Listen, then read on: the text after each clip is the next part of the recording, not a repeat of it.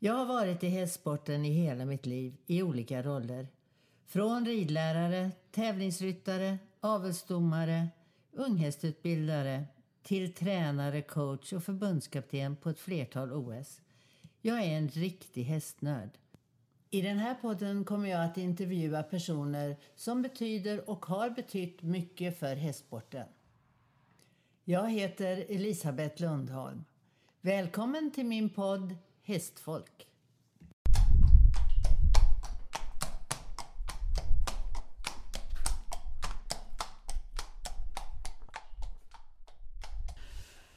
Idag som gäst så har vi en person som har betytt otroligt mycket för utvecklingen av hästsporten.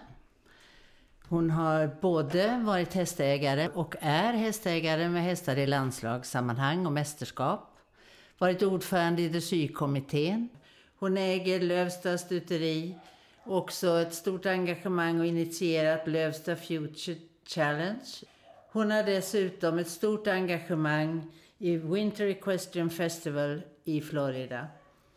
Det här är Antonia Axelsson Jonsson.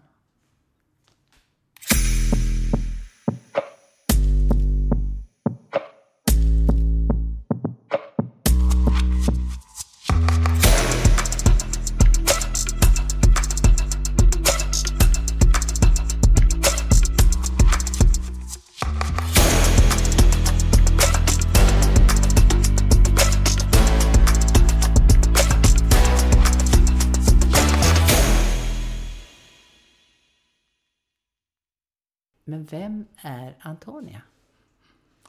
Det är en intressant fråga som jag tror att vi alla frågar oss varje dag.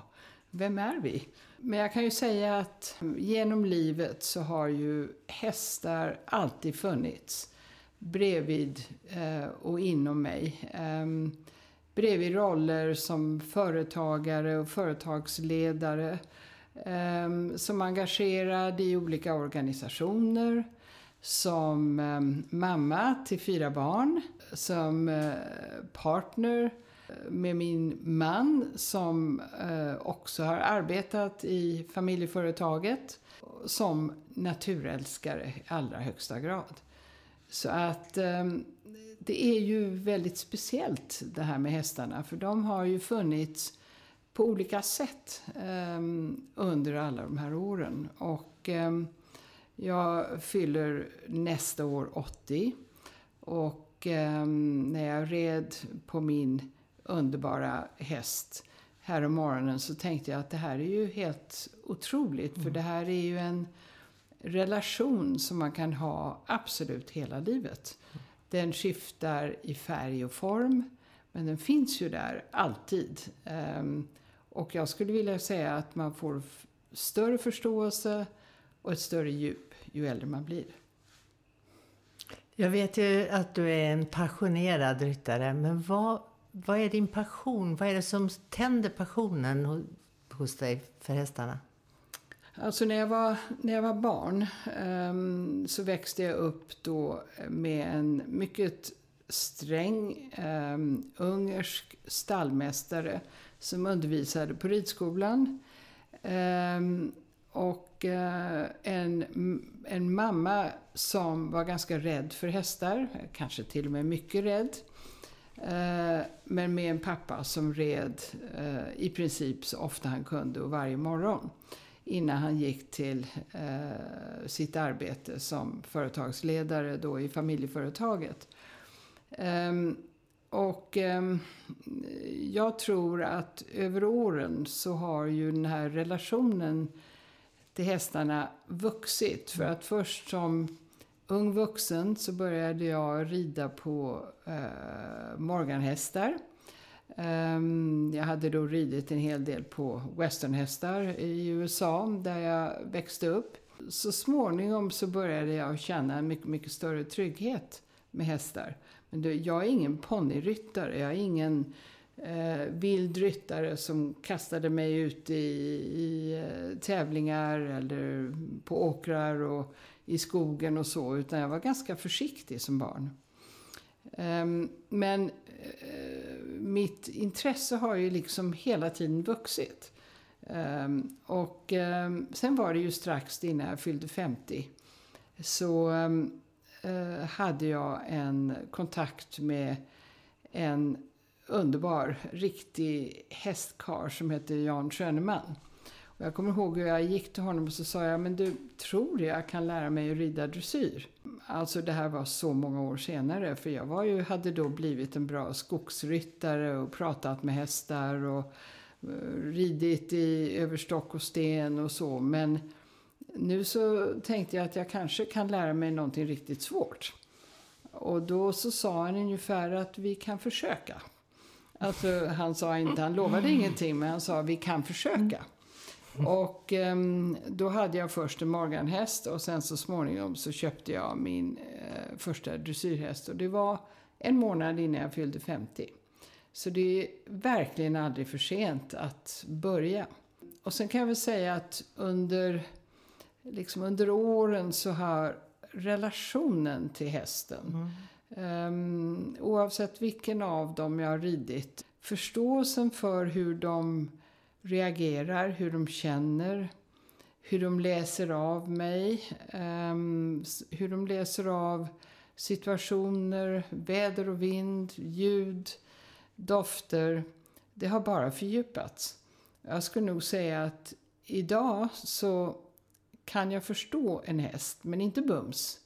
Utan um, det tar uh, ganska lång tid. Det tar kanske månader innan jag verkligen på djupet förstår hur den häst som jag rider på och som jag lever med till vardags så att säga tänker och känner. Och hur den hästens historik ser ut. För vi vet ju så lite om vad de har varit med om, mm. kanske som unga och så. Nu tycker jag nästan att jag kan prata med hästen. Um, och hur gör man det? Uh, jag tycker att man pratar med hästen Eh, med sin röst naturligtvis. Mm. Men ännu mera med kroppen, med vikten, med eh, var man sitter i sadeln. Mm. Um, man kan höra nästan hästens andetag och sina egna. Jag tycker att man kan se ibland, precis som en häst, eh, ett öga i taget. Um, och allt det här kommer ju med lång, lång erfarenhet mm. faktiskt. Absolut, och jag vet ju också att du är otroligt noga med att alltid rida. Jag tänker ibland, hur klarar du det med ditt eh, företagande och dina viktiga uppgifter? Att när du sa att nej, inte förrän efter att jag har ridit. Men det var ju så att jag eh, hade inte tid att rida egentligen innan kanske 50-årsåldern. Så att jag red ju på lördagar och söndagar och ibland på kvällar och då blev det ju skogsridning. Mm. Jag mm, var ganska orädd. Jag hade ju morganhästar som är extremt kloka och stabila så att vi kunde vara ute tills det blev mörkt. Ehm, men när jag började med dressyr så förstod jag att det här kan man inte göra en gång i veckan eller två gånger i veckan eller lite då och då när det passar. Utan det engagemanget som jag eh, bestämde mig för när jag hade fyllt 50, det var, alltså det var väldigt svårt. Ehm, jag förstod att det var långsiktigt, alltså det är inte någonting som man väldigt lätt på kort tid kan fixa till. Ehm, det handlar om ehm, tid och det handlar om mycket tid, månader och år. Så att jag ehm, eh, tog nog ett väldigt aktivt beslut. Och så sa jag att det kanske inte är varje dag jag kan rida men jag räknade ju med att jag skulle kunna rida ändå eh, fyra dagar i veckan. För det är liksom ett, nästan ett minimum för att man ska kunna förkovra sig och bli duktig men också eh, lära känna hästarna på det vis som man mm. vill och då måste man ju finnas väldigt nära dem. Finns det någon av de hästar du har haft som har du har fäst dig vid alldeles speciellt? Ja, det är många. Alltså, de är så starka personligheter. De är så olika. De tänker olika, de rör sig olika de reagerar olika så att jag kan inte säga att den kompisen är bättre än en annan kompis. Eh, och där vi sitter just nu och pratar så har jag ju en underbar tavla framför mig av en eh, magnifik eh, häst som blev 20 år som heter Kairo och tavlan är målad av Peder Fredriksson. Eh, den, det var en underbar häst som kanske var den första kloka, inte helt lättridna för han var stor, men den första riktigt, riktigt kloka häst som jag mötte. Men jag kan inte säga det, för även de där som var lite besvärliga eller som eh, var lite kaxiga eller det var någon som var väldigt svår att sitta mm. på och det kanske var någon som det tog tid innan jag förstod eh, riktigt vad han ville. Alla de har ju lärt mig så mycket, så de har gett mig så mycket så att jag känner bara att det har varit en stor gåva att få rida olika hästar under åren. Man tänker på, har kombon utav allt det här med, att, med din passion för hästar och din känsla för ridning, har det gett dig någonting i ditt övriga yrkesliv? Ja, men det har gett mig framförallt, tror jag, enorm glädje. Så att jag har ju studsat fram efter ett bra ridpass. Um, och även ett sämre ridpass faktiskt, för att jag har varit så enormt fokuserad. Uh, det finns ju inte möjlighet att tänka på någonting annat när man rider. Nej. Utan det är varje steg som man tänker och känner genom hela kroppen. Och det är klart att det har jag ju tagit med mig sen när jag har uh, gått till arbetet. Mm. Just det här fokus. Mm. Och glädjen som gör att hjärnan på något sätt blir, det blir alldeles tomt. Det är mm. underbart. Det blir mm. tomt och det blir fritt. Um, och alla såna här irritationer och sånt som vi allihopa går runt och, och bär på försvinner ju bara. Mm. Så att jag tycker att det har gett mig fokus, definitivt. Och det har gett mig glädje som jag har haft glädje av i arbetet också. Härligt. Jag tänker, jag, jag som har haft förmånen att jobba tillsammans med dig också. Jag vet ju att, hur duktig du är på att läsa oss alla. Mm. Och tycker du att det är det som kommer ifrån eh, samvaro med djuren? Eller tycker du att det är det för att du har ett, ett, ett riktigt stort intresse för människor? Eller känner du att det är intresset för djur som har tagit överhanden där? Nej, alltså intresset för människor, att förstå deras drivkrafter och att förstå deras um, glädjen och strävanden och livssorger och så. Uh, det är väldigt, väldigt stort. Och um, um, jag hade en farmor en gång, uh, för många år sedan, sa hon till mig ja, du förstår, jag tycker mycket mer om hundar än jag tycker, mera om, än, än jag tycker om människor. Och jag var väldigt eh, förfärad över den kommentaren, kommer jag ihåg, i många år under tonåren. Um, och jag tror att eh, vad hon menade var att uh, djur är enklare att förstå än människor. Men jag kan inte säga det utan jag tycker att mitt, min nyfikenhet på människors drivkraft och, mm, har alltid liksom varit en väldigt stor del av mig. Ja, det är just det som intresserar mig också. Vad är din drivkraft? Var får du den ifrån? Var har du fått den ifrån? Och har den varit olika i olika perioder? Mm, absolut har den varit olika olika perioder. För att jag kom ju in i affärslivet som fjärde generation eh, familjeföretagare. Och eh, min eh, eh, pappa sa till mig att när du blir stor ska du ta över firman. Och jag var ju enda barn. Hade, och dessutom en dotter och inte en son. Um, men jag kände ju att det här menade han. Och um, uh, det var ju en period då det var otroligt svårt. Det var som att klättra över ett gigantiskt berg. För att min pappa fick en stroke när han var 63. Och jag minns ju att hans enorma sorg var främst att han inte skulle kunna rida. Mm. och ehm, han eh, blev så småningom eh, väldigt eh, egentligen förvisad till en rullstol och till ett ganska stilla liv. Och jag var då lite över 30 och då förstod jag att nu är det dags, jag måste ju ta över familjeföretaget.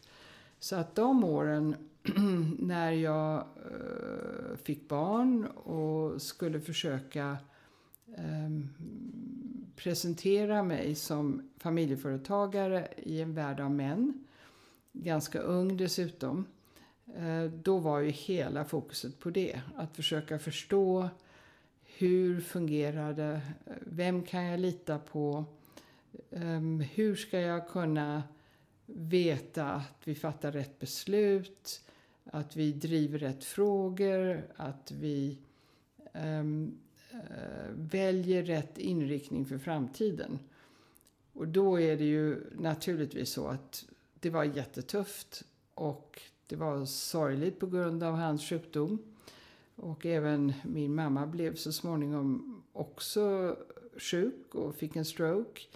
Så att de där åren är ganska diffusa. De är ju fyllda av väldigt mycket sorg eh, och väldigt mycket eh, svåra frågor som jag fick ta itu med.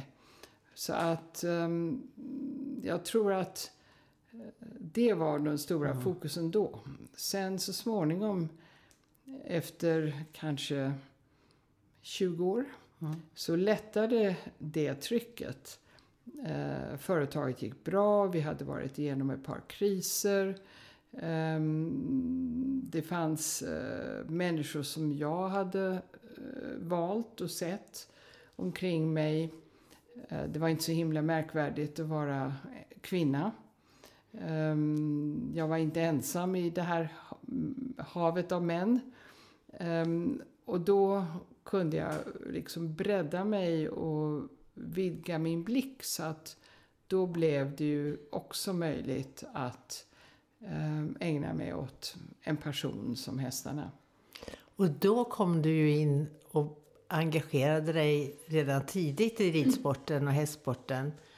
Hur tycker du att det har varit om du tänker på där du började och vägen nu som, det är ju ändå ett väldigt eh, starkt och lite längre engagemang som du har haft hittills. Och eh, förhoppningsvis kommer du ha väldigt länge. Vad, vad tycker du att, ehm, om du sammanfattar det, jag tänkte att vi skulle kunna prata lite om varje del. Men, men om du sammanfattar det, vad, vad Tycker du att du känner att det här har gått framåt, det här har gett mig mycket tillbaka? Eller känner du att oh, det har varit tunga bitar? Nej, nej, alltså inga tunga bitar alls. Utan jag upplever nog att det började ju med att jag fick frågan om att bli ordförande i dressyrkommittén som är en eh, viktig, vad ska jag säga, strategisk enhet inom eh, Ridsportförbundet. Och eh, jag var ju ganska van att arbeta just med den typen av strategiska frågor där man ska eh, sätta upp liksom en vision och sätta upp mål och arbeta väldigt systematiskt mot det. Eh, så att för mig var det en, en otroligt rolig uppgift. Eh, men då satte vi ju upp mål och jag kommer ihåg att vi sa att vi skulle det här var ju liksom eh, snart 25 år sedan. Mm. Vi skulle sätta upp mål att vi skulle ta medalj inom dressyr, mm dressyren och att eh, vi skulle kunna bli en av världens främsta eh, dressyrnationer. Och eh, det tycker jag absolut att vi är. Vi har varit och är och det är ju fantastiskt roligt. Jag minns att det var väldigt många som då sa till mig att nej men det går inte, vi kan inte sätta upp sådana här mål, det är bara larvigt och det kommer vi aldrig kunna och vi är bara ett litet land här uppe i norr och, och sådär. Men, men ehm, jag tror att vi har eh, mått väldigt bra av att sätta upp höga mål. Ehm, för sporten. Och det är ju fantastiskt vilken sport det är idag. Mm. Jag menar just idag när vi pratar så är det ju en fantastisk dag. För det är ju VM som pågår och vi bara presterar. Och eh, det är bara guld. Och det är helt otroligt roligt inom, för ridsporten. Och det är ju Sveriges näst största sport. Och det är ju den största sporten för flickor och för kvinnor. Så att jag tycker det, det är fantastiskt bra. Det har blivit mycket, mycket bättre än vad vi, tror jag, mm. någonsin kunde tänka oss. För att jag var ju på OS um, ehm, på 50-talet och um, uh, jag var kanske, måste ha varit, vilket år det kan ha varit, 56. 56. Mm. Med min gamla faster. Och uh, det var kavallerister som red mm. i väldigt hög utsträckning. Och officerare. Mm. Och när um, jag tänker på det nu um, så är det ju en helt annan värld mm.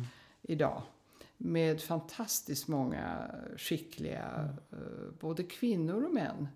Och många, många olika åldrar dessutom som är med i sporten. Så det här är ju helt fantastiskt. Och annorlunda hästar. De har, aven har ju gått framåt till att ja. det är riktiga atleter. Och ja. vi såg ju idag när vi, idag när vi pratade med Henrik von Eckermann har vunnit en individuell guldmedalj och laget har vunnit guld är helt fantastiskt. Mm. Och dressyrryttarna har gjort jättefina resultat ja. också i VM, verkligen. Mm. Mm. Vi är ju en fantastisk hästnation, det mm. måste jag ju säga. Så det, det, jag tycker utvecklingen har varit um, inom dressyren och inom hoppningen har varit en fantastisk utveckling. Mm. Men det som vi tänkte då kring år 2000, det var ju, jag hade ju ett, ett gammalt kostall och där hade jag boxar. Um, men gången var så smal så två hästar kunde ju inte mötas. Men jag bara kände att jag måste få göra någonting med um, den lilla verksamhet vi då hade. Och um, då ehm, så uh, började fråga runt lite mm, finns det någon riktigt duktig ung ryttare som inom dressyr som kanske skulle vilja komma hit och hjälpa oss att bygga upp något. Eh, då fick jag ju eh, svar från många att Tinne Wilhelmsson skulle jag mm. höra av mig till. Och det var, det var eh, 2000. Kort samtal på läktaren. Jag hade köpt en väldigt fin och härlig hingst som heter Vältman eh, som jag inte, som var ung och som jag inte hade någon ryttare till. Och eh, jag minns att många sa, nej men eh, alltså vad ska du med en hingst till och sådär. Men jag blev väldigt kär i den här hästen. Och eh, då träffades Tinne och jag på läktaren eh, i vårt nybyggda ridhus. Ehm, och ehm, så sa jag till henne att vill du rida den här hingsten? Absolut, sa hon. Och vad ska du göra med livet? Ja, men jag ska flytta ifrån Fågelbro. Vill du inte komma hit, sa jag. Och det tog två samtal så var vi klara. Och det är ju verkligen länge sedan nu. Det var ju eh, 22 mm. år sedan. Mm. Och vi har ju då sen satt upp för Lövsta stuteris del så har vi ju satt upp väldigt många mål som vi liksom hela tiden utvecklar och förändrar. Ja. Och ni har ju, verksamheten är ju väldigt omfattande idag. Mm. Och många ungdomar som också får utvecklas mm. i den miljön. Mm. Alltså vi, vi började med att sätta upp en vision. Där var jag precis typiskt företagare. Jag skulle göra mm. precis som man gör. Man har, måste ha en vision och så måste man ha eh, strategi och så måste man sätta upp mål och sådär. Och eh, då gjorde vi det, den övningen, Tina och jag. Och då sa vi att vi skulle, vår vision var att förbättra svensk dressyr. Det var där vi började. Mm. Genom att tillföra eh, högkvalitativa hästar. Och eh, genom, att, genom avel, eh, genom utbildning och genom tävling. Och sen har den där visionen, den har ju år efter år utvecklats kan man ju säga. Så att nu är det ju då inte bara dressyr utan det är även hoppning. Um, och uh, vi har hållbarhet uh, och horsemanship och en internationell utblick som nyckelord i vår vision. Ehm, och det har ju successivt utvecklats väldigt, väldigt mycket. Både på eh, seminstationssidan där vi nu har två stora enheter eh, och eh, inom utbildning, utveckling av hästar. Ehm, Alltså det är ju så att alla som håller på med hästar har alltid, aldrig en tom box. Och eh, man undrar alltid, så är det, så är det. så och så undrar man alltid hur många hästar man har och det är alltid fler när man frågar. Jag vet om jag frågar dig så skulle du säga, jo men jag har en ponny och jag har och så. Men, men hur många hästar har du egentligen? Och så är det alltid så att det finns fler än man har räknat med. Eh, men vi har ju då egna hingstar inom dressyr och inom hoppning.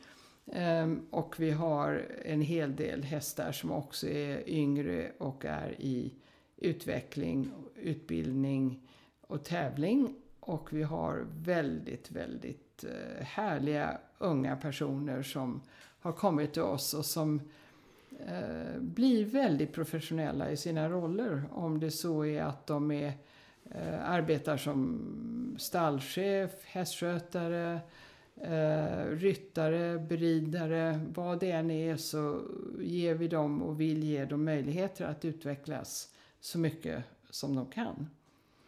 Men när du, när alla de ungdomar som ni har som också det går väldigt bra för, så tänker jag, när du delger dem din syn på ledarskap, och, för det är ju det det handlar om också i ridningen. Mm. Hur eh, har du förändrat det genom åren? Eller är det någonting som, där du känner att nej, det är likadant fortfarande?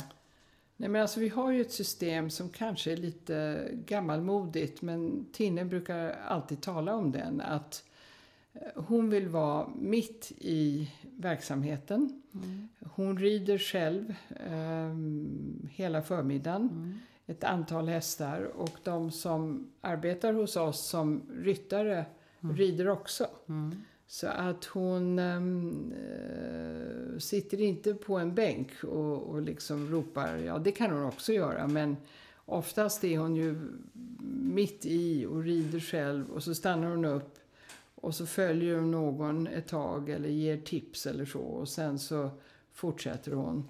Ähm, och det är kanske ett ett väldigt klassiskt sätt att vara närvarande i, mm. med hästarna. Och jag tycker det är helt fantastiskt att få vara en del av det.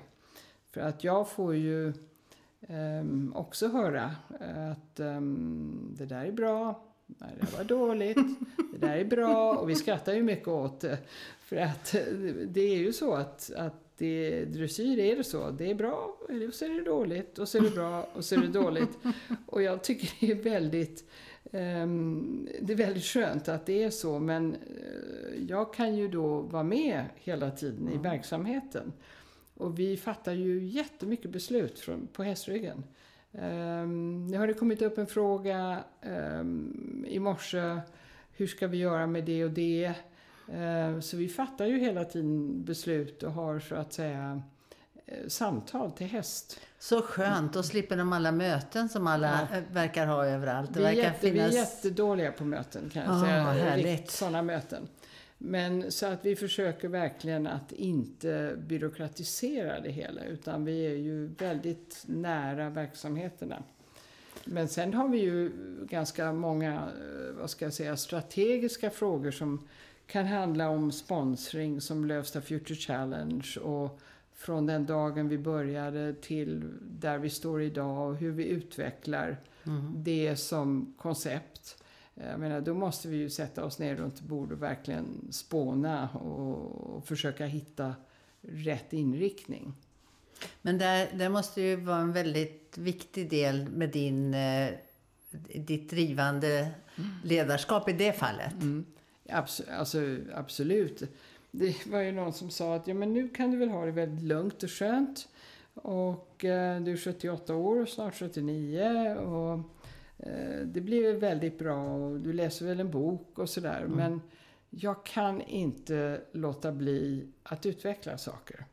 Um, och den här visionen att kunna förbättra svensk ridsport, den den är väldigt, väldigt stark hos mig och mm. väldigt viktig Så att nu när jag inte behöver vara på kontoret varje dag utan jag sitter ju fortfarande i ett antal styrelser men eh, som styrelseledamot och då har jag ju styrelsemöten och resor och så. Men jag har ju mycket, mycket mera tid och då kan jag ju inte låta bli att utveckla saker.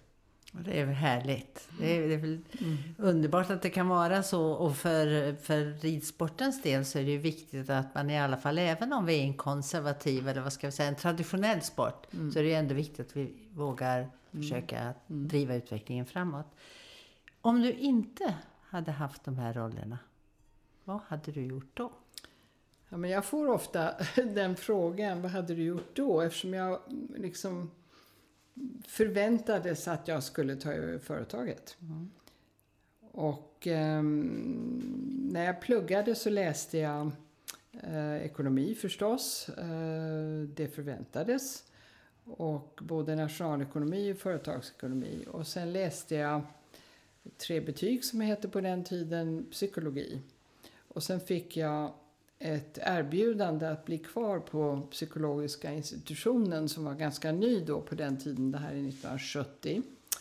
Att, och, och forska på ett antal projekt. Och då nämnde jag det för min pappa och sa att jag tycker det här låter väldigt intressant och han sa nix. Eh, du behöver komma och jobba i företaget och då Eh, blev, gjorde jag en, en kombo i utbildningen så att jag började arbeta med eh, HR-frågor. Där jag kunde använda mitt intresse för psykologi eh, och koppla ihop det med företagandet. Och ehm, eh, jag tycker nog att ehm, det har varit liksom ett väldigt roligt spår in i företagsvärlden. Men om jag inte hade gjort det hade jag nog blivit psykolog tror jag. För att jag är så nyfiken på människor och människors drivkrafter. Och det märker man. Och det är härligt, tycker jag. Den, eh, jag tänker lite grann på, det, det har ju funnits lite tokigheter då och då. Är det någonting sånt där som du tänker på? Vad har, alltså roliga tokigheter talar jag om då.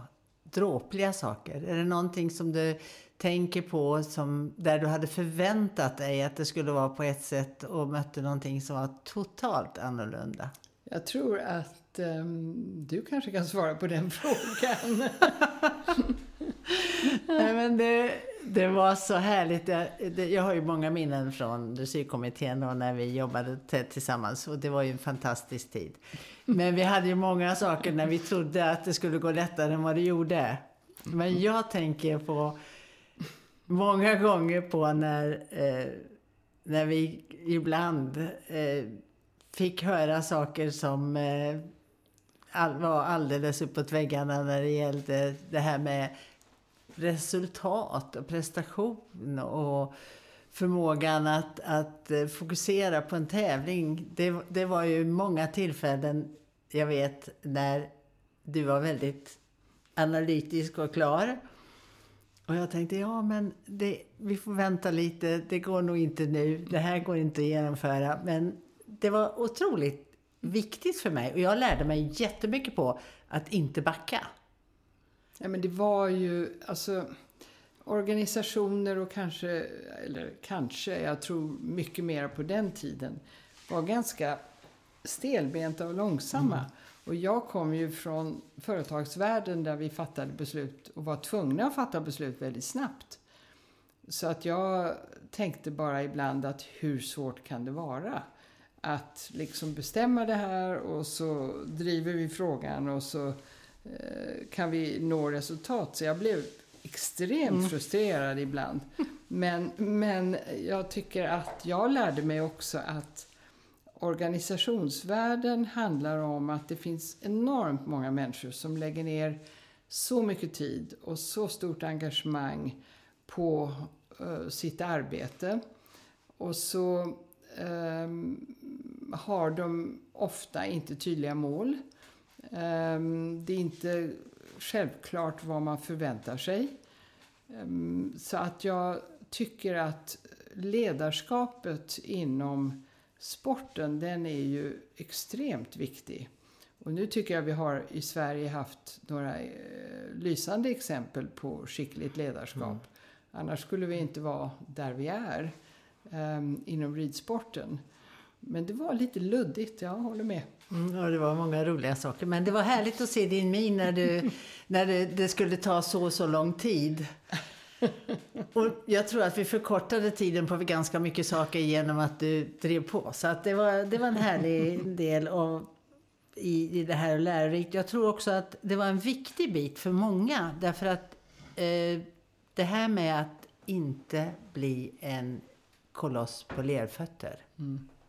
Som det gärna kunde ha blivit. Jag tänker på vissa sponsorengagemang och så vidare. Det blev ju fantastiskt mycket snabbare som det hände. Men det är ju väldigt lätt hänt även i företagsvärlden. Om man har stora företag eh, blir ju lätt långsamma också mm.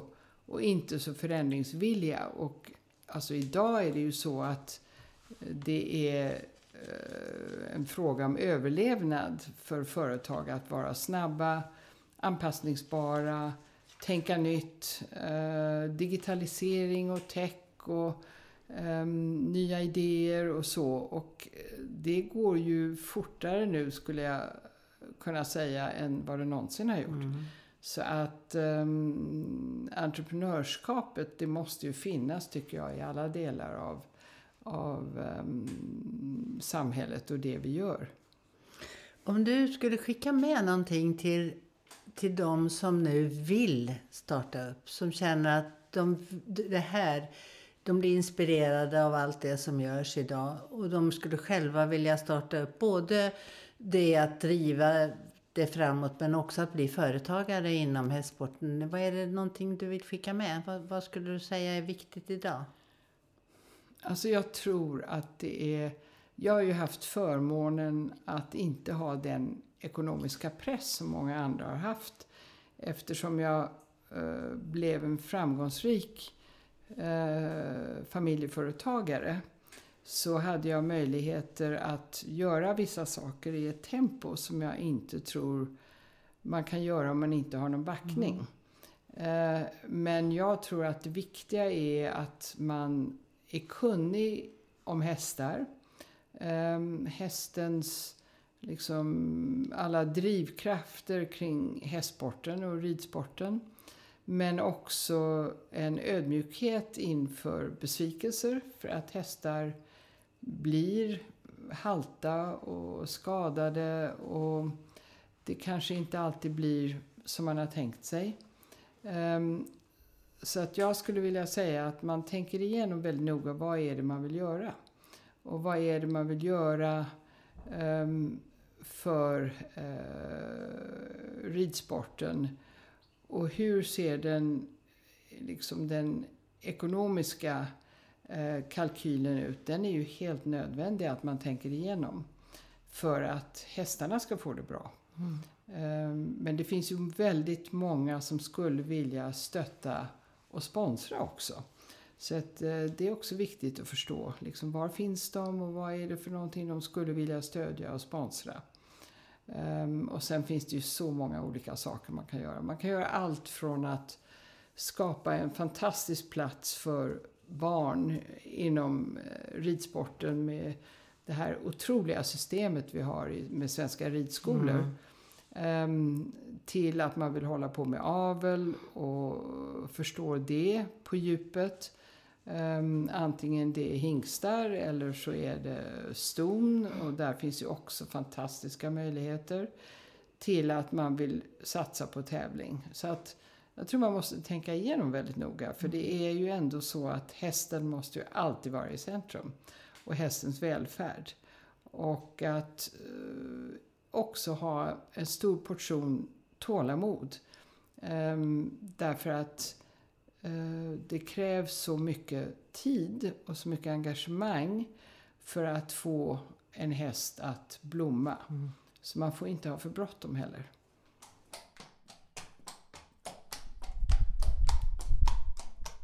Jag vet att hållbarhet är en väldigt viktig fråga för dig. Mm. Vad vill du utveckla det? Jag tror att jag har levt så länge nu så att jag har sett en ganska skrämmande utveckling. Eh, vad som händer när eh, planeten blir så eh, stressad som vår planet är just nu. Eh, jag växte ju upp i en storstad i New York och bodde där tills jag var tio år. Och inte tänkte jag på eh, miljö eller hållbarhet utan det var egentligen eh, i min företagargärning eh, i mitten av 80-talet ungefär som jag började fundera på det här med miljöfrågor och kan man som företagare överhuvudtaget påverka det? Och jag kommer ihåg att jag hade eh, då i slutet på 80-talet hade jag varit på en stor konferens där man började fråga sig vad kan företagens människor och ledare göra för miljön?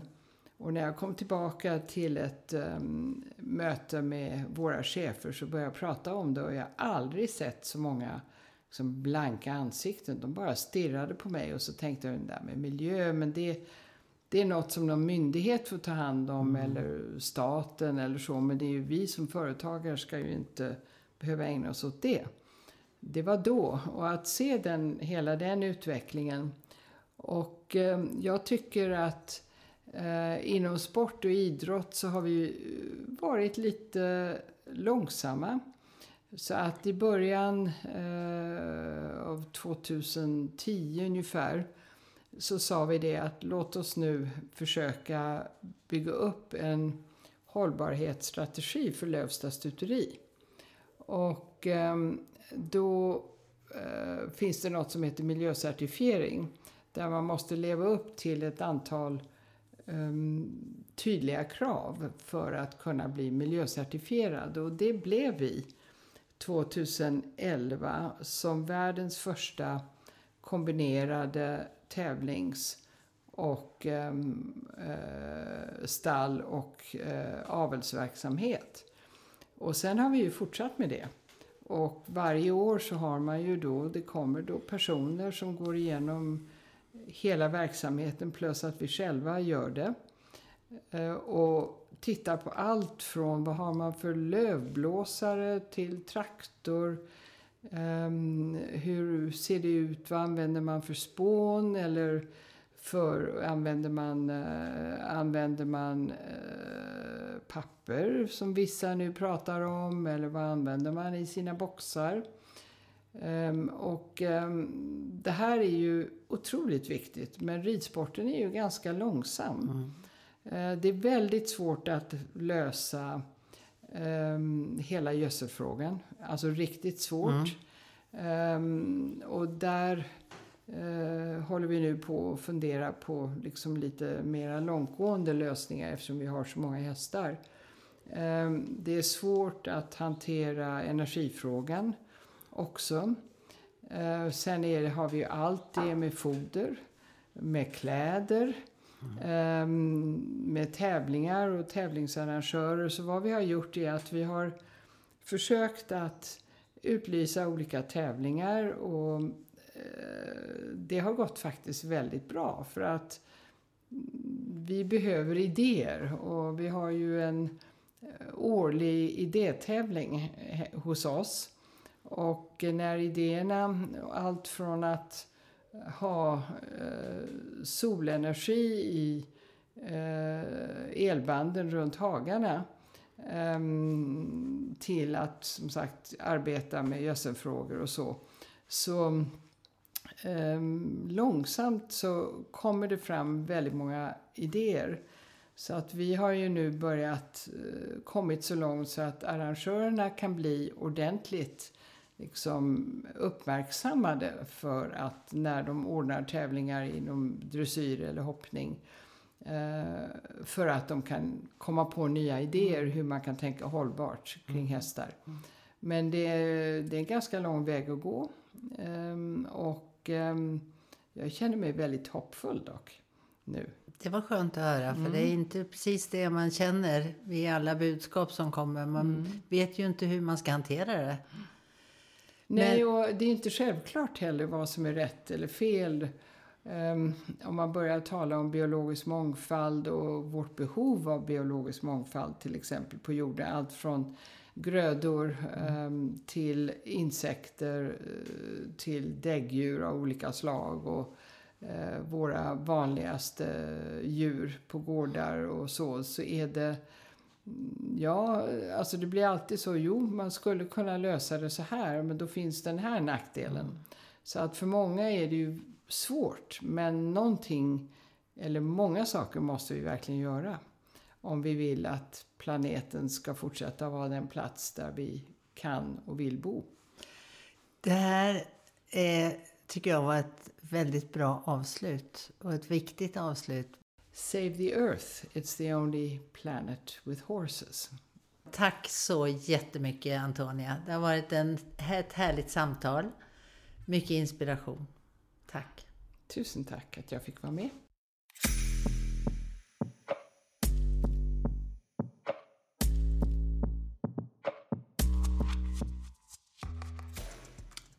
För att ni har lyssnat på min podd Hästfolk. Jag heter Elisabeth Lundholm och följ oss gärna på alla sociala medier och ni är välkomna att lyssna på nästa avsnitt också. Hej då och vi hörs snart igen.